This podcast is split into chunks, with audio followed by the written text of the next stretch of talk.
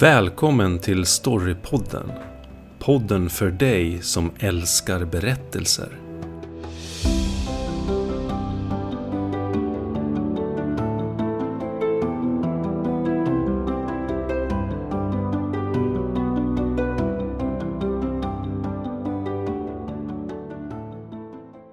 Vi fortsätter diskussionen från föregående avsnitt.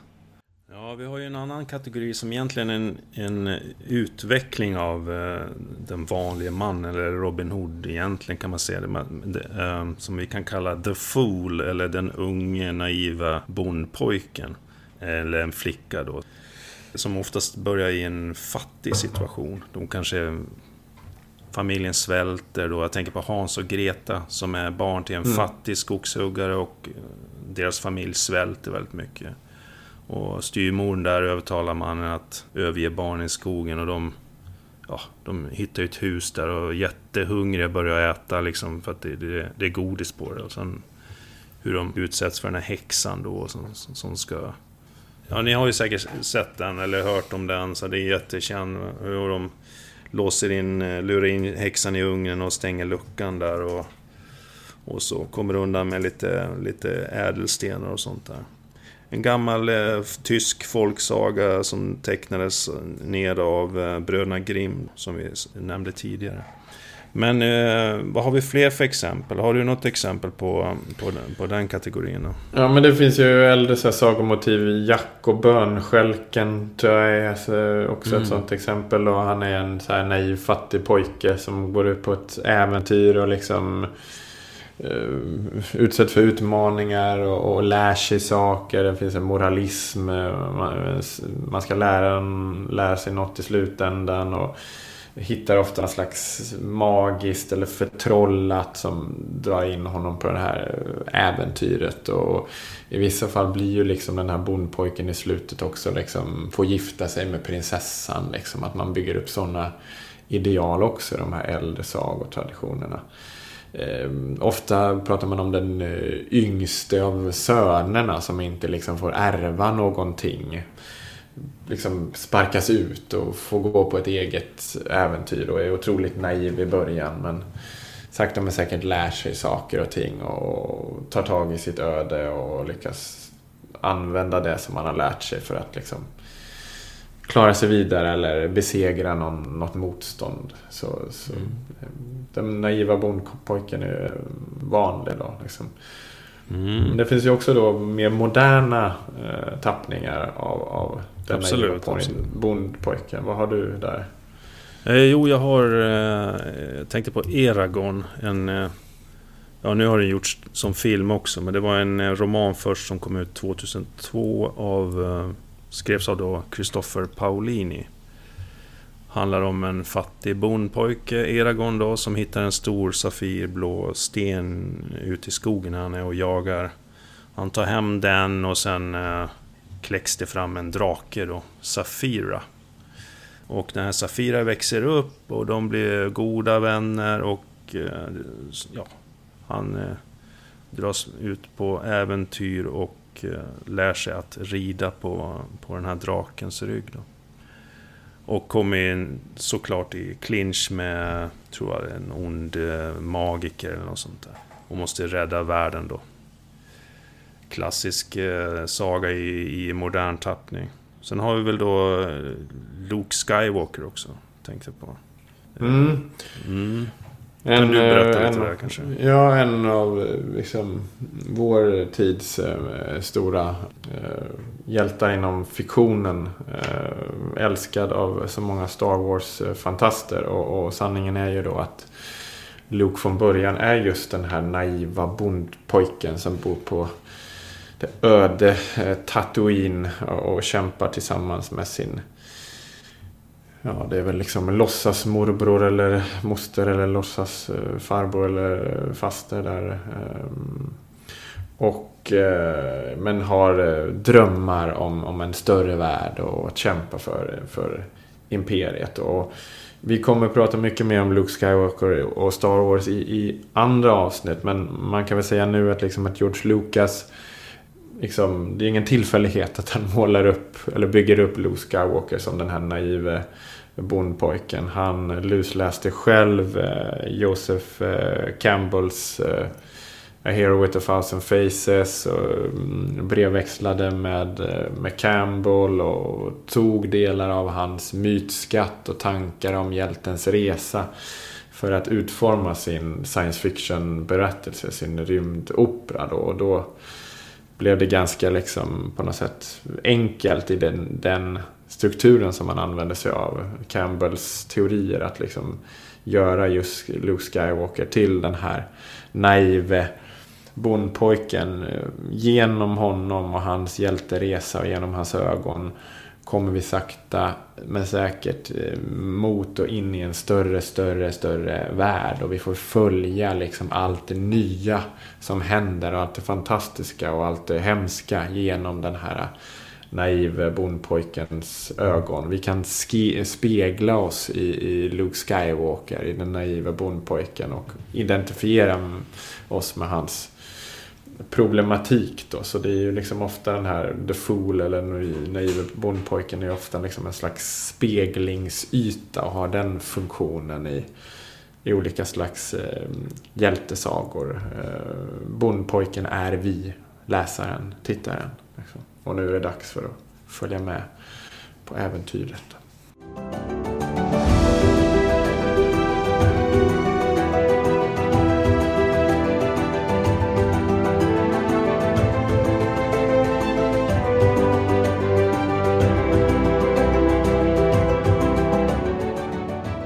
Mm, men vi ska återkomma till Luke Skywalker och Joseph Campbell lite senare.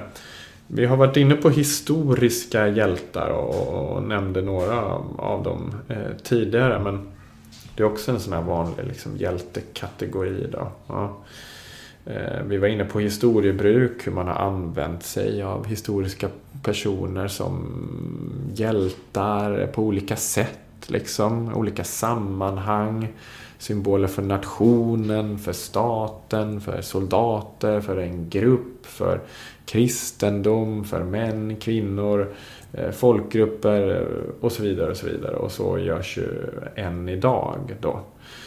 Det finns hur många som helst självklart som har använts på det här sättet. Och Gustav Vasa, Jeanne d'Arc, Garibaldi, Nelson Mandela, Raoul Wallenberg. Eh, alltså många av dem har en bild idag av att vara liksom väldigt så här reko och goda hjältar. Men man ska också eh, komma ihåg att eh, en hjälte för ett folk kan vara en massmördare för, för, för ett annat folk också. Så är det med de här historiska hjältarna som vävs in i nationalismen eller nationalidentiska strukturer. Allt från Mao till Stalin till Genghis khan liksom, har ju både varit hjältar och massmördare och är så än idag. Liksom. Mm. Det finns hur många som helst och det är ju mm. väldigt intressant. Vi skulle kunna fördjupa oss kring det ännu mer. Och som historiker är jag ofta väldigt fascinerad av just så här historiebruket mm. kring, kring sådana. Då. Um, om man har några favoriter själv. Alltså jag vill ju liksom gärna se som historiker liksom komplexiteten i, i historiska personer, i människor. Liksom så är människor för mig. Djupt komplexa. De är inte de här eh, nationalistiska symbolerna som de ibland blir. Som, där de bara står för godhet eller styrka eller vad de är. Liksom. Sen är jag också fascinerad i just det berättandet. Men jag vet inte, jag har väl inga direkta sådär mm, favoriter. Jag fascinerar av, fascineras av mm, hela historien och alla dess historiska gestalter. Men hos många är liksom till exempel Raoul Wallenberg eller Nelson Mandela är liksom sådana här eh, personer då som är, är, är stora hjältar. Där liksom. Vad har du för någon där? Du har en liten speciell. Jo, jag tänker då på Alan Turing. Um, som föddes 1912 eh, i London. Då. Det var ju han som under kriget knäckte tyskarnas eh, kryptering som kallas Enigma. Och Enigma ansågs eh, vara omöjligt att lösa, liksom. omöjligt att knäcka. Men han, eh, han gjorde det. han byggde då vad som kom att kallas den första datorn. Liksom, en Turing-maskin. Eh, väldigt intelligent människa det här. Han var matematiker, logiker och då kryptoanalytiker som man studerade vid både Cambridge och Princeton. Eh, I alla fall med, när han knäckte Enigma så kunde då de allierade få eh, övertaget mot eh, Hitlers eh, Tyskland, då, så att säga. De tyska trupperna. Då. England låg ju väldigt illa till där innan dess och blev ju mer eller mindre sönderbombat då. Eh, men hur som helst, han räddade då cirka 10 miljoner människor räknar man med genom att knäcka den här koden. Eh, men han har ett väldigt tragiskt öde efteråt. Han var ju homosexuell. Och ehm, det var ju förbjudet på den här tiden. Det fick man inte vara. Så efter kriget så ehm, blev han då kemiskt kastrerad och tvingades sluta jobba. Och han dog redan fem, vid 54, vid 41 års ålder av en, en eh, dos cyanid. Och man vet inte om det var självmord, men man, man misstänker att det var självmord. Eh, tragiskt öde, men eh, väldigt eh, viktig historisk hjälte trots allt. Och han har ju fått eh, upprättelse här för inte så länge sedan faktiskt, tror jag. Eh, vet du det, Olof, eller? Jo, nej, men han har ju verkligen kommit tillbaka och nu är liksom förs upp som en av de här stora brittiska hjältarna. Och det är allt från liksom mm. skolor mm. till plaketter till priser och, och, och monument och, och, så. Över Alan Turing och han har också blivit en förebild för många liksom inom tech och IT-världen och så ja, vidare är han ja. ju det liksom idag. Liksom, en av de stora liksom, som, som, som upphöjs eh, verkligen. Då. En bra film också med Benedict Cumberbatch också. Ja, verkligen bra. Sevärd film faktiskt. Mm, jätte, jättebra. Mm. Lite intressant i, i, den här kategorin är ju liksom att vi eh, att vi har liksom en, en svensk eh, kan man säga, motsvarighet då, eh, som vissa kanske känner till, Arne Börling. Eh, som är den som eh, i Sverige knäckte liksom en annan slags telegrafikod eh, och som, som tyskarna hade under kriget, G-skrivaren och dess kod, redan 1940, vilket gjorde att svenskarna kunde delvis eh, då lista ut eh, hemliga meddelanden eh, som tyskarna eh, skickade till exempel. Då. Mm.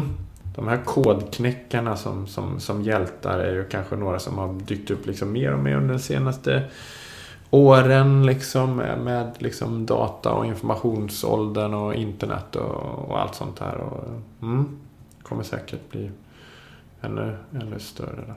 Och det är intressant också, för här ser vi då kanske en liten förskjutning från det ursprungliga klassiska hjältebegreppet. Att, att det, då man använder väldigt mycket styrka så. Och här mm. använder man sin hjärnas styrka. Knäcker koder mm. och grejer. Krypteringar mm. och sånt. Det är intressant. Ja, vi kan, vi kan gå vidare där. Vi har en annan kategori då som, eh, eh som handlar om då tragiska hjältar eller romantiska hjältar. Eh, en tragisk hjälte är då en hjälte eller en antihjälte som det är synd om. Den personen kan då vara sinnessjuk, deprimerad eller olyckligt kär. Eller helt enkelt vet inte det han, han eller hon behöver veta. Och eh, ofta så råkar de här hjältarna illa ut och kanske till och med dör i slutet av berättelsen. Då. Jag tänker då på Oidipus och Werther och Faust bland annat. Du har ju en, eh, en där, eller hur Olof? Mm. Ja, men jag tänkte att jag skulle ta upp eh, Oidipus. Ja, just det. Du skulle prata om mm. Oidipus. Mm. För att återknyta också liksom till, till början där också med den grekiska mytologin. För att Oidipus då härstammar från, från eh, den speciella eh, kontexten. Och eh, ja, hans eh, öde är, är, är otroligt fascinerande och väldigt talande just för en så här, tragisk hjälte. Då. Det berättas att kungaparet i Thebe då fick av ett orakel reda på att deras nyfödde son skulle komma att döda sin far och gifta sig med sin mor. Och det var en herde som anlitades till uppdraget då att lämna den här äh, nyfödda sonen dö ute i vildmarken. Och herden la ner barnet i vildmarken och lämnade det för att dö. Men en annan herde hittade barnet då och tog med sig det till kung Polybos i kungaliket Korint. Och kungen där uppfostrade barnet som sin egen son. Oideplus blev en bra svärdsman och kunde utan större ansträngning vinna och besegra sina läromästare. Senare i sitt liv så fick han reda på eh, spådomen om att han skulle mörda sin far och avla barn med sin mor. Men eftersom han inte visste då att han var ett hittebarn så flydde han då från Korint för att detta inte skulle hända. Han trodde liksom att han skulle helt enkelt då mörda sin, sin eh, far Polybos i Korint. Men eh, när han flydde då så mötte han en man med en stor vagn och två soldater bredvid sig. De började bråka om vem som hade väjningsplikt i den här smala vägen. Och det slutade med att Oidipus dödade mannen och soldaterna. Och han fortsatte sen till staden Thebe, alltså där han kom från början utan att han visste det. Och den belägars då den här staden av en svinsk, ett mytologiskt eh, monster. Och denna åt upp allt som försökte ta sig ur staden. Men eh, kunde besegras om man svarade rätt på en gåta. Och Oidipus fick en gåta som löd. Vilket djur går på fyra ben på morgonen, två ben på dagen och tre på kvällen? Oidipus svarade att det var människan. Som kryper på alla fyra som liten, går upprätt som vuxen samt störde sig på en käpp vid äldre dagar. Och han svarade rätt och svinksen då, som aldrig trodde att någon skulle klara gatan, kastade sig själv ner för ett berg och dog. Och när Oidipusen kom till Thebe, kom in där, så gifte han sig efter ett tag med drottningen Iokaste. Och de fick fyra barn. Mm. Och han fick då berättat för sig att kung, kungen La, Laios hade då tidigare dödats av ett gäng strårövare för inte så länge sedan, ute på en resa. Men eh, staden hade sedan drabbats av en landsplåga, en sjukdom som drabbade både människor och djur. Och Oidipus eh, stod då rådlös inför den och eh, skickade sin högra hand, Iokastes bror Kreon, till oraklet i Delphi för att få reda på vad han skulle göra. Och Kreon återvände med meddelandet att Oidipus måste straffa Laios mördare. Och då visste han inte riktigt vad han skulle göra Oidipus. Han rådfrågade en blind siare vid namn Teresias om hur han skulle hitta mördaren. Siaren ville först inte säga någonting. Men sen sa han till Oidipus att eh, Oidipus kom egentligen inte som en främling till TB. Utan att det var han själv som var mördaren som han sökte. Oidipus förstod inte vad det handlade om och drev iväg siaren och kallade honom för lögnare. Men sen forskade han vidare i saken och fick till slut reda på att det var ju han själv som tidigare hade dödat Laios som var den här äh, stråtrövaren med soldater som han hade stuckit iväg vid det här vägskälet. Som de hade bråkat om väjningsplikten. Oidipus fick då reda på själv vem han var. Men också då att Iokaste var hans mor. Ja. Han hade mördat sin egen far, gift sig med sin mor och fått barn. Precis som det här första oraklet i Delphi sa. Och eh, inför det faktumet så hängde sig Iokaste Ja, och Oidipus stack ut sina ögon och flydde. Mm, har en mm. tragisk hjälte. Mm. Ja, verkligen. Jag har ju en annan hjälte, en annan sorts hjälte kan man säga också. Tragisk också, men, men som eh, skrevs om i en spansk roman i två delar från 1605 och 1615 Eh, Eh, som skrevs av eh, Miguel Cervantes. Och jag tänker naturligtvis på Don Quijote. Eh, Don Quijote då var en fattig adelsman som hade en förkärlek för, för ärofyllda riddarromaner som han slukade. Och han drar därför ut i världen för att upprätthålla romanernas ideal. Och eftersom han då är förläst så att säga och, lever i den här världen, i litterära världen, så ser han inte den verkliga världen som den är. Och eh, drar iväg på sin gamla hingst Rosinante med sin väpnare Sancho Panza. Mm. Och han vill bevisa ridderligheten då i sig för att vinna kärleken av sin älskade Dulcinea. Och Dulcinea betyder söt på spanska och det, det är då vad Don Quijote tror att hon heter egentligen, men hon heter då Aldonza. Och det bygger på ett... Aldonza är en ordvits då på, på... Det finns ett gammalt spanskt talesätt som säger att har vi ingen annan så tar vi väl Aldonza. Så det betyder skämtsamt då att hon blir vald till hjärtats dam för att ingen annan finns att få ungefär. Man tar den man har till slut ungefär. Så det här är en, eh, en, ett av de mest kända exemplen på en, vad man kallar en pikaresk roman då, som genre. Då. Och det är då den driver med riddarromaner och riddarlegender då. Faktiskt en av de mest kända romanerna då i världen. Den finns representerad vid flest bibliotek världen över, den här romanen. Eh, och man har röstat fram den som en av de hundra bästa böckerna av det så kallade världsbiblioteket. Och eh, hundra författare från 54 länder röstade, eller utsåg 2002 Don Quijote till världens bästa bok. Så den, den, eh, den har en lång historia och är väldigt älskad så.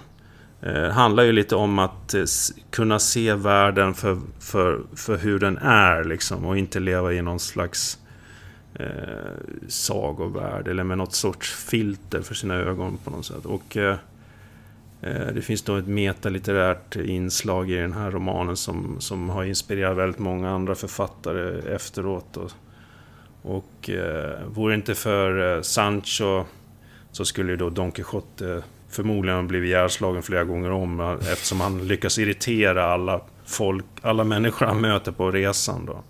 Men det är, en, det är en hejdlös eh, berättelse med både tragiskt och, och tragikomiskt. Sådär värd att läsa. Ja. Ja, verkligen. Men han är liksom också förlorad i, i den här hjältebilden. Liksom. Ja, han är ju romantiker liksom ja, på något mm. sätt. Så. Mm. Men, men en romantiker som absolut inte är realist. Så det... Ja, den är lite kul. Ja, den är verkligen kul. Mm. Innan vi ska gå vidare på en närliggande kategori som heter antihjältar så kan vi också bara kort kanske nämna det här med Werther som vi kort nämnde. Det är ja, också det. de här stora tragiska hjältarna. Den unge Werthers lidande som mm. Goethe eh, skrev i slutet av 1700-talet, 1774. Och den är ju intressant då utifrån den här det här är den uppsvallande romantiken eh, och, och känsloidealet. Liksom. Den unge Werther som den hopplöst olyckligt förälskade unge mannen liksom, som drivs av det här begäret som trånar. Liksom. Men liksom som ändå aldrig eh, lyckas liksom, eh, nå ända fram och till slut liksom, slutar eh, hans öde med att eh, liksom, Eh, han tar väl tar sitt, sitt eget liv liksom. Men det blir ett otroligt starkt, om man säger så, tragiskt hjälteideal som är också väldigt inflytelserik i sin samtid. Man pratar om Werther-effekten. Att liksom unga män skulle vara så här trånande och känslosamma och liksom uttala sig om sina känslor. Att somliga till och med som inte fick den här eh, fantastiska kärleken liksom följde Werther i hans i hans eget spår liksom, och till och med tog, tog självmord. Liksom. Men ja, verkligen eh, kontrast också i det här just de tragiska hjältarna. Då. Jag vet inte om du sa det, men den ansågs ju romanen då som väldigt kontroversiell på sin tid. Mm, och eh, nästan ett brott mot eh, borgerlig anständighet och mot ja. borgerliga normer på något sätt. Ja, den är bra. Ja. Det är intressant. Ja, helt annat än den här liksom dygdiga mm. idealet med sanning och styrka och allt vad det är. Liksom. Här händer något annat. Liksom.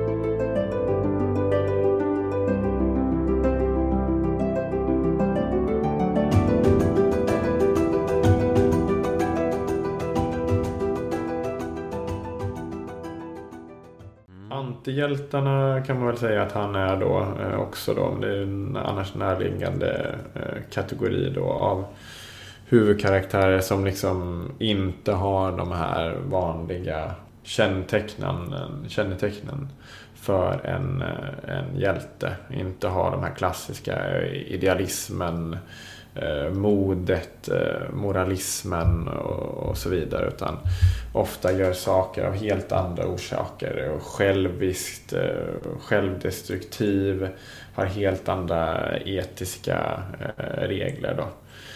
Eller också i flera fall bara är liksom på något sätt också någon slags vanlig människa som dras av våra vanliga liksom mänskliga ideal med begär och, och, och neuroser och, och liknande. Eh, så då. Eh, och här kan ju nämnas liksom Josef K i, i eh, Kafkas eh, processen till exempel.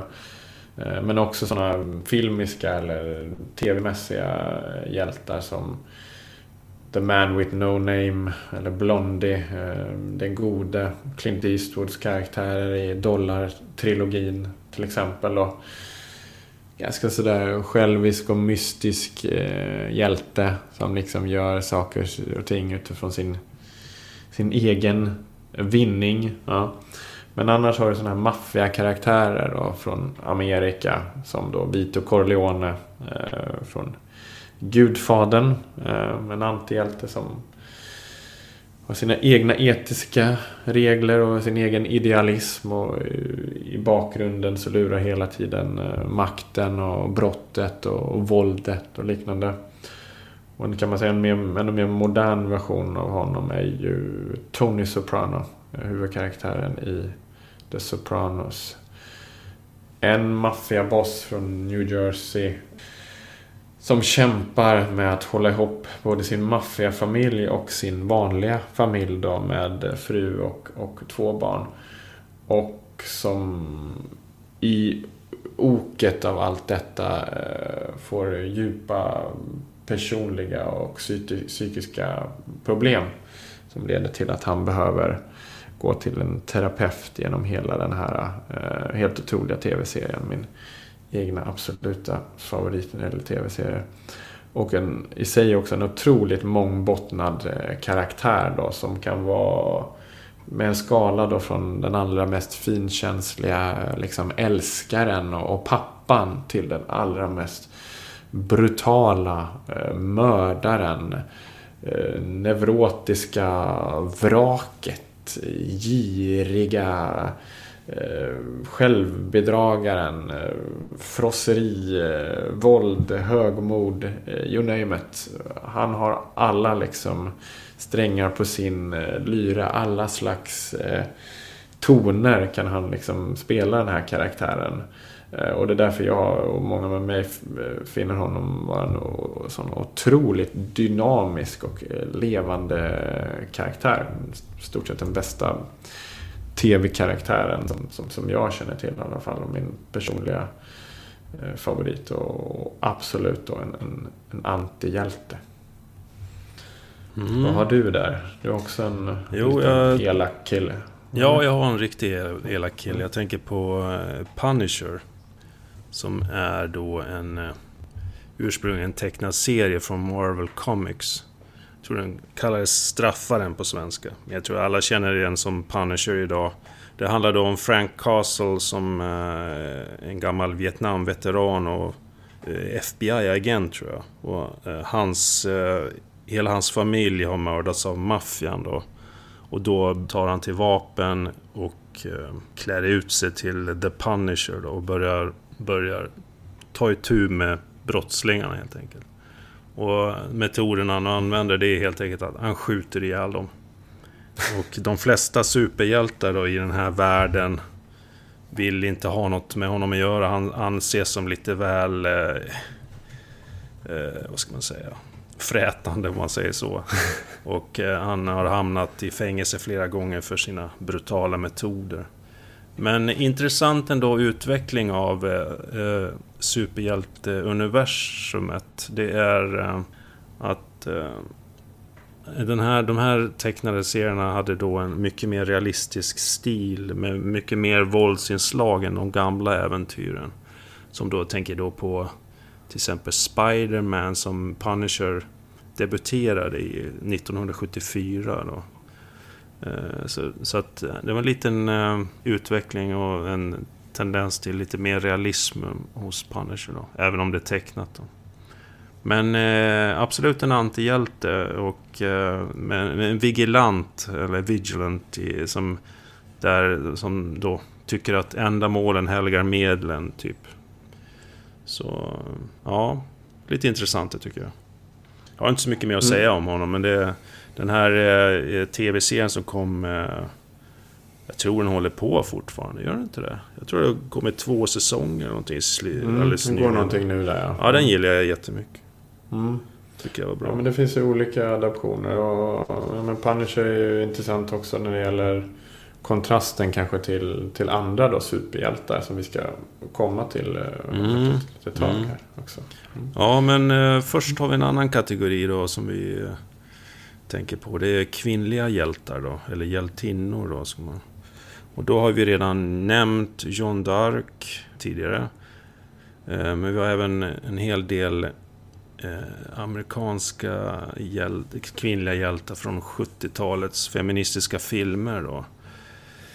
Och sen då har vi naturligtvis från Disney, jag tänker på eh, Merida i Modig, eller Brave som de heter då.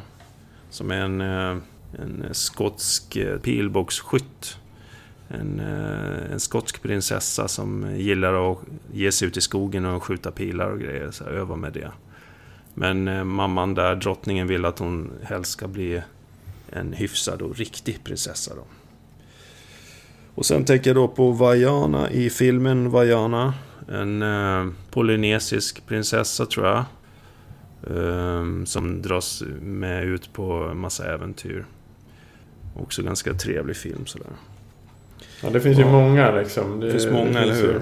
Mm. Superhjältar som vi ska komma till med Wonder Woman, Storm, Jean Grey, Batgirl, Supergirl. Film mm. som vi strax ska komma till med Ray och Princess Leia, Clarice Starling, Thelma Louise, Sarah Connor. Dorothy från Trollkarlen från Oz. Litteraturen ja. vimlade självklart. Jane Austens böcker, Systrarna Bronte. Mm. Uh, Pippi Långstrump. Uh, vi har nämnt historiska karaktärer, hjältinnor inom grekisk mytologi. Uh, vi, har mött, vi har pratat om helgon och jungfru Maria, Jeanne d'Arc som du var inne på. Andra historiska karaktärer. Drottning Elisabeth, Florence Nightingale, Mary Wollstonecraft. Mm, Angela vi, Merkel kanske till och med. Ja, precis. Så har vi ju då, jag tänker på Lisbeth Salander från Millennium-trilogin där. En eh, hacker då tror jag hon är bland annat. Och lite, lite emo. Men eh, väldigt intressant karaktär. Absolut. Och sen har vi Katniss Everdeen från Hungerspelen. Och så min favorit då, Ellen Ripley från Alien-filmerna. Vad kan man säga om kvinnliga hjältar då? De står ju då upp för sina, eller kvinnors rättigheter ofta. Och de bryter ofta mot en norm. Uh, och så har vi då kvinnor som har överlevt utan en man, men de kanske ofta inte kallas för hjältar så av någon anledning. Uh, vad säger du Olof? Ofta är ju hjält, kvinnliga hjältar singelkvinnor också. Och inte, inte så ofta eh, kvinnor i förhållande på något sätt, eller hur? Eller vad säger du? Jo men så kanske det är liksom. Men eh, ja, det, det, har väl att göra med alla de här tidigare kategorierna också som vi pratar om. Att, att det kan vara en, ofta en singelkvinna på något sätt. Liksom, eh, som drar sig in i någon historia eller på något äventyr på något sätt. Liksom. Ja. Mm. Det Fråga... finns väl berättarmässigt, berättarmässigt mer att göra där liksom, på något sätt. I så fall. Ja, det finns absolut ja, mer att göra med kvinnliga mm. hjältar. Absolut. Och, och, och, man kan väl ana lite... Jag tycker mig ana i alla fall. Ni får gärna rätta mig om jag har fel. Men jag tycker att oftast hjältinnor definieras utifrån män och en, kanske en patriarkal struktur. så. Eh, det finns någonting där som inte Uh, känns helt okej okay än, så att säga. Men uh, det händer saker inom med kvinnliga hjältar som är väldigt intressant, tycker jag. Jo, det, det behövs fler. Det behövs fler. Jo, men det behövs fler, absolut. Samtidigt tror jag också att det är lite en myt liksom att, att det just liksom att det har varit så här helt eh, mörkt och bara liksom manliga hjältar här under 1900-talet. Och, och nu på senaste tiden så kommer fler kvinnliga hjältar. Jag läste någonstans att liksom bara, egentligen var det ännu fler kvinnliga hjältar eller hjältinnor i olika litterära och liknande verk under, under 1800-talet till exempel. Mm. Mm. och, ja, men liksom Brontesystrarna eller Jane Austen eller massa annan litteratur från den tiden. Så, så var det vanligt redan då med kvinnliga hjältar. Men att det närmare ja, sen blev, blev ett, blev ett mindre av kvinnliga hjältar under 1900-talet. För då, eh, eller slutet av 1800-talet först för då, och sen 1900-talet. För då eh, upphöjdes romankonsten ännu mer. Och eh, männen hade då, ännu fler män hade möjlighet att, eh, att vara författare och livnära sig som det. Och då började de skriva ännu, ännu mer och ännu mer som sig själva. Och då dök ännu fler manliga hjältar upp och tryckte tillbaka en del av liksom antalet kvinnliga hjältar. Och sen menar man nu på senaste tiden, senaste decennierna så har ännu fler eh, kvinnliga hjältar dykt upp igen. Men, men självklart finns det, finns det mycket att göra. Men vi har väl ändå en, liksom en mer eh, mångfacetterad liksom, litterär eh, bild eller värld liksom, idag. Eh, där vi har väldigt, väldigt eh, intressanta kvinnliga karaktärer. Men, men självklart mm. finns det alltid mer att göra. Liksom. Jo, det gör det. Mm. Det finns mer att göra med manliga hjältar också. absolut, så. absolut. Ja, men jag har gillar mm. självklart väldigt många olika. Många av de som vi tog upp tidigare. Man har en liten förkärlek för Hermione i Harry Potter också. Som jag, Just det. Ja, som jag gillar eh, väldigt mycket. Väldigt eh, stark och, och, spännande karaktär på, på, på alla sätt. Och verkligen en förebild på, på många, många sätt. Liksom. Mm. Mm. Eller Arya ja. i, eh, i eh, Game of Thrones gillar jag. Verkligen, verkligen. Det gillar vi alla Arya. Liksom. Ja. Ja, supercool. Ja. ja, hon är sten, stenhård. Mm. Mm. Men smart också. Det är väl det att ja. Eh, kvinn, kvinnliga hjältar kanske använder lite mer av sin list också. Ja. Än mm. klassiska manliga hjältar. Så. Det är nog ett helt eget avsnitt det här med kvinnliga hjältar också som vi bör ja, det är det nog. fördjupa oss ja. i. Då.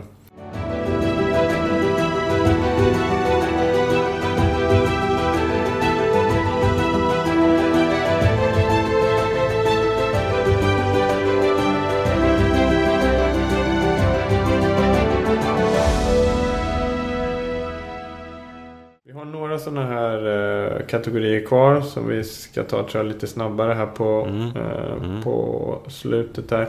Superhjältar eh, nämnde vi tidigare. Har gjort flera gånger om här. Liksom, och då har vi självklart mm. sådana som ni bara tänker på direkt. Stålmannen som man brukar prata om som den kanske första superhjälten. Som dök upp i serietidningsform på 30-talet. Eh, och sen finns det hur många olika varianter som helst. Och sen, du har nämnt Spindelmannen och sen finns det självklart Batman och hur många olika som helst. Och ofta när vi pratar superhjältar då tänker man på de här med superkrafter. Ja. Eh, och liksom som ja, har en specialegenskap som de verkligen kan, kan använda sig eh, av dem. Men det kan vara så att de inte har den här superhjältekraften också men då att de använder andra slags eh, karaktärsdrag eller egenskaper eller manicker eller liknande för att besegra andra skurkar som i sig också är någon slags super, superskurkar. Och undan för undan har ju liksom den här tidigare liksom ganska gott och ont eh, präktiga idealismen då under decennierna förbytts mot mer realism inom den här genren då. Och jag menar det finns många antihjältar eller tragiska hjältar som också är, är superhjältar i, idag då. Ja. Eh, och jag tror också just det här med superhjälteidealet är något som väldigt mycket liksom lever kvar hos hos oss och kanske mycket av den yngre generationen. Jag ser bara på mina barn liksom att när de tror jag får, hör ordet hjälte då tänker de väldigt mycket på en superhjälte som en, eh, en person då som har klätt ut sig på något sätt för att dölja sin verkliga identitet och sen har någon form av superkraft som den kan använda mot, mot skurkar då. Men det är ändå till viss del ändå ganska långt från de här första mm, idealen kring vad en, och berättelserna kring vad en hjälte är och, och, och så då. Men eh, ja, jag menar det finns ju hur mycket som helst och det är ju Verkligen. hur, hur många läsare och tittare av, av superhjältetidningar eller serier eller filmer idag. Min egna favorit är ju, är ju Batman då som jag ser som en, i flera fall, liksom lite mer djup och mångbottnad karaktär än, än flera av de andra eh, superhjältarna. Det finns eh, väldigt stark grund och bakgrundshistoria och det finns en psykologi och en eh, tra en tragedi där i grunden med, med eh, föräldrarnas död och drivkraften hos honom att, att eh, verka för något slags gott i, i det här mörka, korrumperade Gotham City. Och hur han också liksom hela tiden går på gränsen och, går upp och ner dynamiskt i det här i sin kamp. Liksom. Brottas med sina demoner, sitt förflutna. Eh, tycker jag ofta är, är väldigt intressant. Och liksom att det också i, i, iscensätts också med just hans mörka dräkt eller de mörka skuggorna. Och liksom, eh, det som också är, är grogrunden för för den versionen av Batman. Det finns ju många olika som eh, med Frank Miller och Alan Moore eh, som har skapat kring Dark Knight gestaltningen av, av Batman då, som jag tycker är intressant till exempel. Och, och um, jag tycker Christopher Nolans trilogi är en väldigt bra adaption av, av Batman-myten. Ja, jag gillar också dem. Mm. Man kan säga att en superhjälte är väl egentligen en eh, modern tolkning av de hjältar, halvgudar som finns i grekiska och romerska mytologierna. Liksom. Att det är en mm. upphöjd hjälte som, eh, som har lite olika krafter och, eh, och även en, en stor svaghet som de försöker dölja och som kanske sätter dem i klaveret till slut. Som jag tänker på Stålmannen har ju sin kryptonit och... Ja, vad har de? De har ju... Eh, ja... Tänk på Wolverine gillar jag också. Han, han är ju... Mm. Han är, mm. Eh, ja, och så Deadpool gillar jag också. Men de har ju, alla har ju någon svaghet. Annars skulle de bli ganska ointressanta. Jag tänker på, man, man kan ju dra parallellen till Achilles till exempel med sin sin häl där. Mm, mm.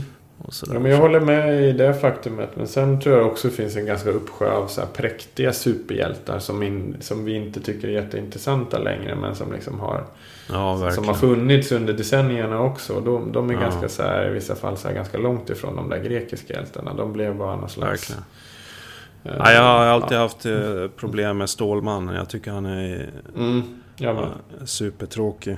Mm. Verkligen. Supertrist. Ja, mm. Förlåt alla Superman står Ja, exakt. Men, men, men, men, men så tycker ta vi. ställning där. Ta ställning ja, vi tar ställning här. ja, mm. exakt. Ja, nej men... Eh, vi går vidare då till nästa kategori. Mm. Då har vi actionhjältarna. Då har vi då naturligtvis eh, John Rambo i Rambo-filmerna. John McCain i... Vad heter det nu då? Die Hard. Ja, Die Hard, tack. Så Terminator då i Terminator-filmerna. Egentligen Terminator en uh, ondingen men... Ja. Det är, en, det är en bra karaktär i alla fall. Mycket action. Indiana Jones är en av mina favoriter.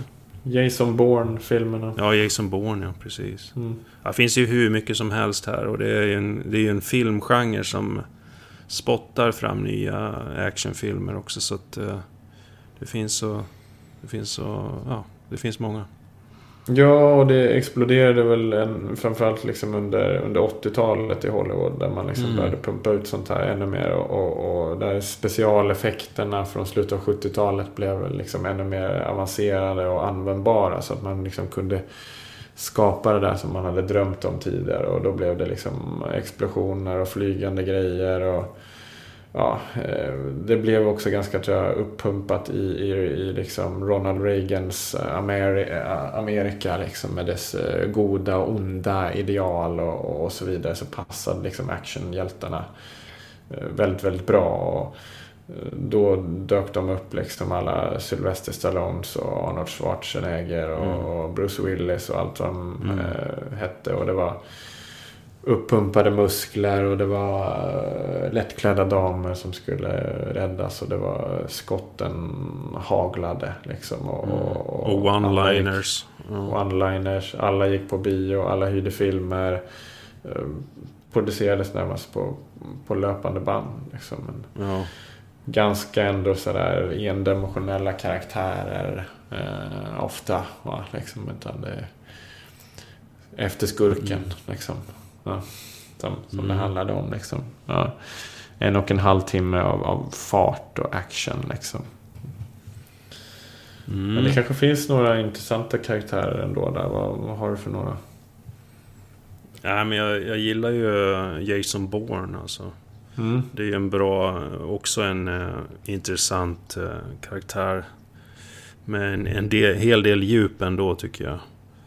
Även om de filmerna är, uh, det är full fart hela tiden. Men, men de två romaner jag läst om, om honom så är det ju det är väldigt intressant så tycker jag.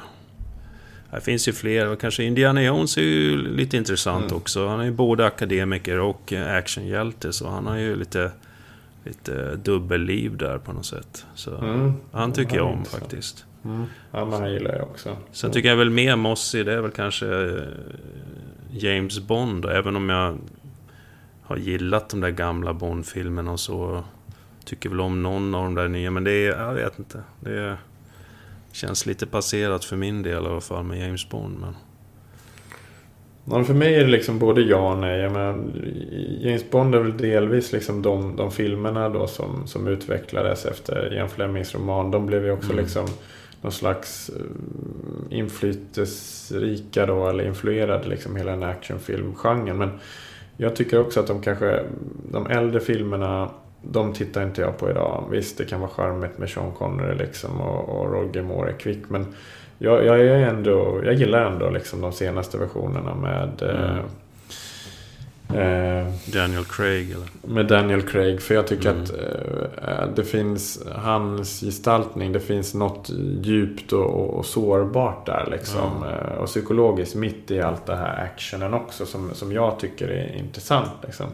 Mm. Sen kan jag i vissa fall tycka att jag liksom hoppas nästan att det skulle en, bli ännu mer av det. Jag tyckte den här Casino Royale-filmen som var den första med honom eh, är den bästa som har gjorts eh, i, i genren, eh, Bond-genren. Mm. Och den utlovade något mer. Det fanns ett djup och kärleken och tragedin med den här kvinnan som han förälskar sig i. Och det var liksom mer dynamiskt och fram och tillbaka. Och man såg liksom, liksom bakgrundsskildring kring honom.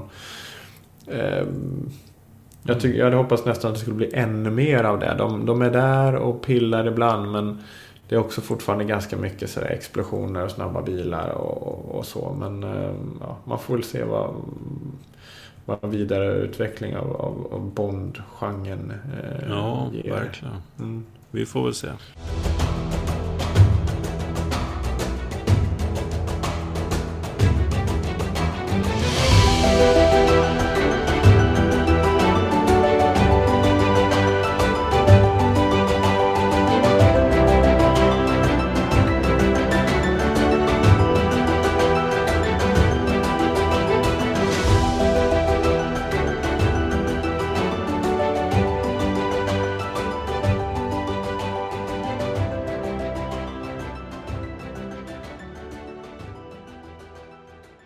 Nästan kommit lite till slutet här och det finns ju, vi har gått igenom många kategorier och, och hjältebegreppet eller ordet används ju som sagt på många olika sätt. Då.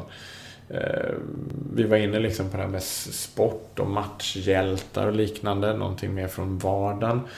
Men då finns det också just vardagshjältar som, som man pratar om eh, ibland. Som dyker upp i, i press och, och tv och så vidare. Då det är ju några då som kan ta formen av liksom sjuksköterskor eller läkare, brandmän, poliser. Det kan vara vetenskapsmän också. Eller det kan vara sådana här Svenssons eh, eh, vardagsmänniskan som ryter till mot orättvisor. Det är också liksom eh, ett, mm ses som ett hjältemod i, i det. Liksom. Någon som, som kämpar för, för, för andra till exempel. Jag tänker på hon uh, Malala också. Den där Visst, tjejen. verkligen. Mm. Kämpa mot orättvisor mm. och så, så, så. Så det finns ju runt omkring oss också hela det här hjältebegreppet också. Och det liksom har gått intressant. Från de här gudaliknande, eller halvgudarna till och med, fantastiska grekiska hjältarna. Odysseus och Achilles och Herakles och Herkules. Och tagit sig fram genom historien som vi har berättat nu ända fram till, till liksom oss själva.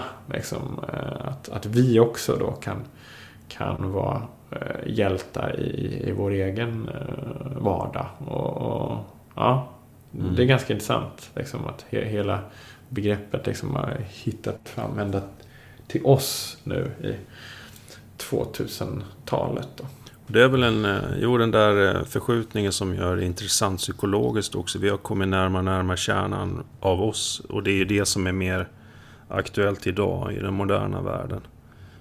För att beröras av berättelser så är vi tvungna att komma närmare och närmare oss själva och vad som är viktigt för oss på något sätt. Så ser jag det i alla fall. Jo, men jag håller med. Ja, har, så ser jag också väldigt mycket den historiska utvecklingen ut. Mm. Liksom, att man har i konsten och litteraturen, i samhället, liksom, hittat ända fram till, till individen. Liksom, vetenskapen kring det också. Liksom, och, och, så, den resan gör också liksom, hjältebegreppet. Då. Eh, absolut. Mm. Samtidigt ska man ju förstå att det, det innebär ju också en inflation i hjältebegreppet. Så. Mm. Att, Vem som att, helst kan vara hjälte. Mm. Och det är lite det vår sista kategori handlar om lite grann. Om jag, om jag, får, om jag tillåts gå vidare här nu. Eller mm. var du färdig? Ja, jag är färdig. Ja, då, då, då, har vi då en sista kategori. Alltså att man har någon hjälte som har inspirerat en själv då i ens, ens liv då. Och för mig så... Jag har egentligen inga, varken vardagshjältar eller någon, någon hjälte som har inspirerat mig. Men jag, om jag är tvungen att dra till med någon så är det väl Bruce Lee då. Tack vare, alltså, han var ju väldigt driven och duktig på det han höll på med. Liksom.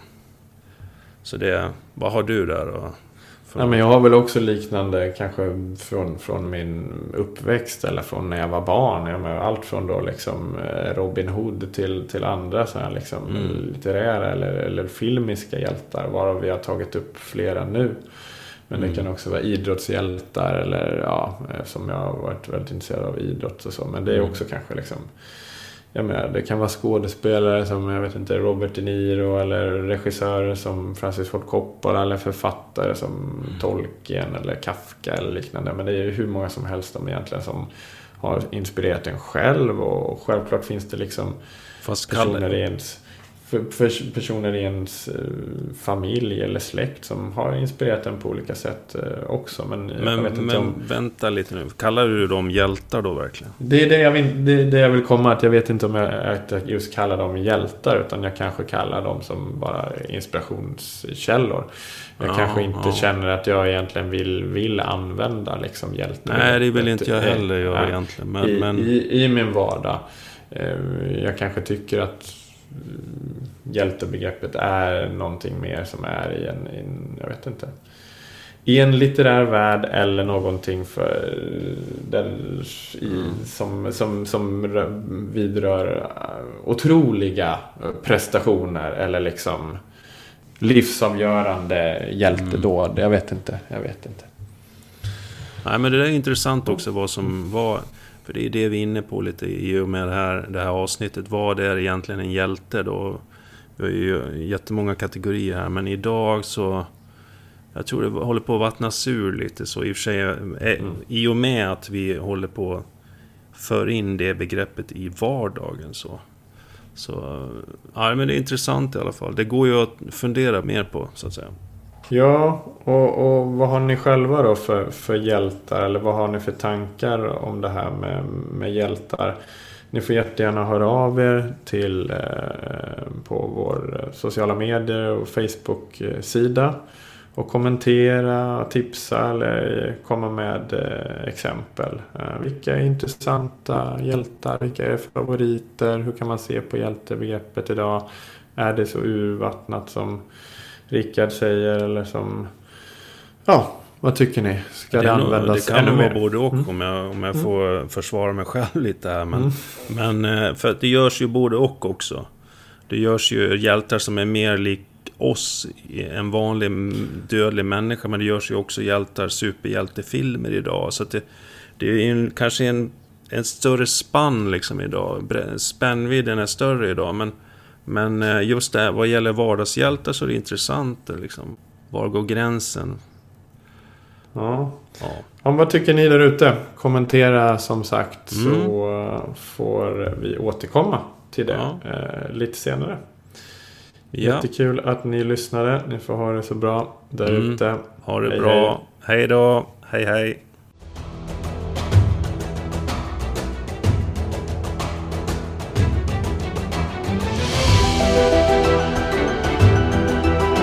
Du har lyssnat på Storypodden med Rickard Eklund och Olof Tiderman. Fler avsnitt, mer info och tips hittar du på www.storypodden.se. Vi finns även på sociala medier i form av Facebook, Twitter och Instagram.